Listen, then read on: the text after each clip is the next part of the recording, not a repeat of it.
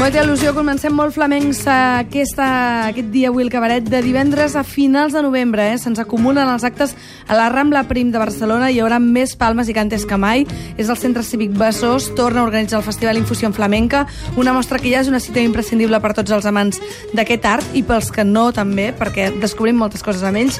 I és que aquest Centre Cívic Besòs fa més de 10 anys que estan especialitzats en flamencs. De fet, si en voleu aprendre mai, és el lloc on heu d'anar i saben fer una molt bona programació formació. La Mireia ha parlat amb el seu director aquesta tarda i ens explica com neix tot aquest amor del flamenc de, de la Rambla Prim, que està ben a vora de la mina, Exacte. i d'on neixen molts dels grans músics d'aquest país. Hem volgut una mica veure el germen d'aquest projecte no? de centre cívic especialitzat en flamenc. Això va néixer el 2003, quan una empresa externa va rebre l'encàrrec de gestionar el centre i llavors van decidir doncs, tenir un valor afegit i en aquest cas centrar-se, per exemple, en el flamenc. Va ser eh, el tema triat.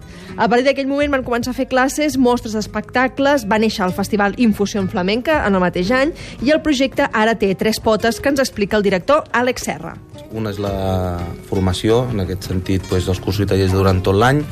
Llavors, per altra banda, fem el que seria la difusió cultural, que això inclouria les activitats. Durant el cicle són més professionals i després durant l'any tenim un altre projecte també dins la fusió cultural que es diu la Pinzellada Flamenca obrim un espai d'actuació musical de petit format per a no professionals i després la pota important està en el suport a la creació que aquí en, entra el tema de les residències I com deies, Montse, si vols aprendre flamenc, que no sé si ho has provat mai o no, Hombre, yo si quieres te canto aquí un cante...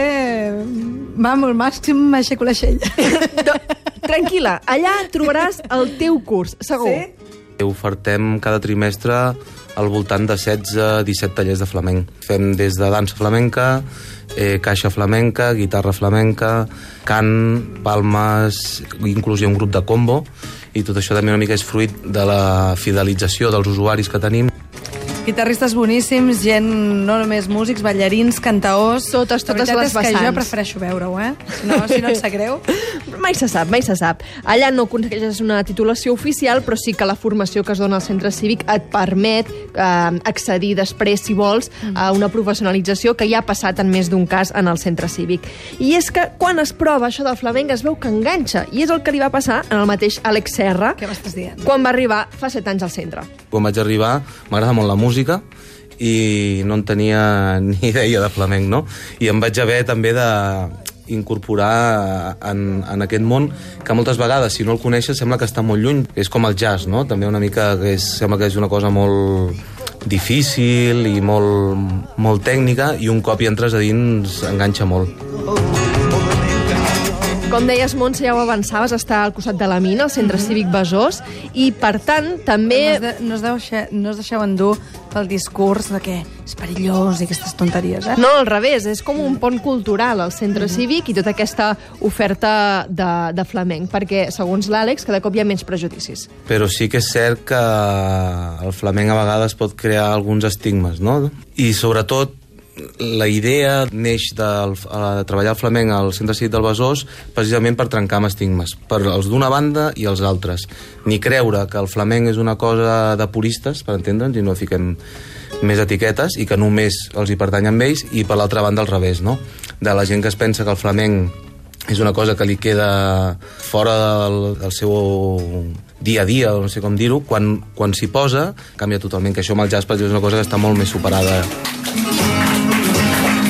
Home, no cal veure que igualment que hi ha mestissatge amb altres branques de la música, en el flamenc també eh, s'imbrinca molt bé altres, el jazz ho ha sabut veure molt bé i vaja, i moltes altres músiques que surten moltes vegades de llocs com aquests. Exacte, el Festival Infusion precisament busca aquest mestissatge sense perdre espectacles també que siguin de flamenc pur, perquè no s'han de perdre els orígens. Alguna de les propostes que podreu eh? veure... Ha sí, per cert, recordem les dates, del 7 de novembre al 29 de novembre, tot un mes d'actuacions, activitats. Per exemple, dues de les propostes que trobareu a l'Infusion són unes residències artístiques que s'han fet al centre i que ara s'han convertit en espectacles. Són les d'Aita Cia i Mariola Membrives. Per exemple, el d'Aita Cia és un, espectacle que es basa o gira entorn a la dansa, a partir de dues balladores i llavors hi ha músics col·laboradors que van sortint.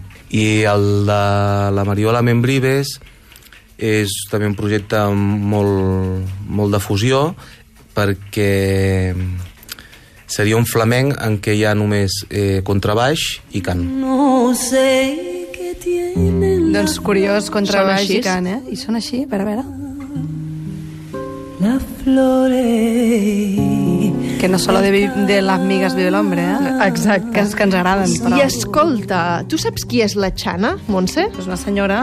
Una senyora. Sí, amb això no, és vas una bé. senyora que em sembla que és una de les grans del flamenc, però no ens ho sé. Vas bé, vas bé, vas bé. Mira, deu ser de les poques persones, entre cometes, que ho sap. És una de les figures que reivindicarà eh, en aquest festival amb un documental que podeu veure de forma gratuïta fet per Beatriz del Pozo. La Xana era una balladora catalana que, diguéssim, eclipsada, per així dir-ho, d'alguna manera, que, que no soni malament, però per la Carmen Amaya, però que era molt, molt bona i amb una tècnica molt, molt depurada. En canvi, mm, doncs no va tenir la sort de que es donés a conèixer amb un nivell més mediàtic Doncs escolta, la podreu conèixer amb aquest documental, aquesta dona balladora fantàstica, la Xana. I hi ha moltes més propostes en el festival. Entreu a la seva web, infusionflamenca.cat, però ara l'última recomanació de l'Àlex Serra, Tomàs Lorenzo Sextet, aquest divendres a dos quarts de deu.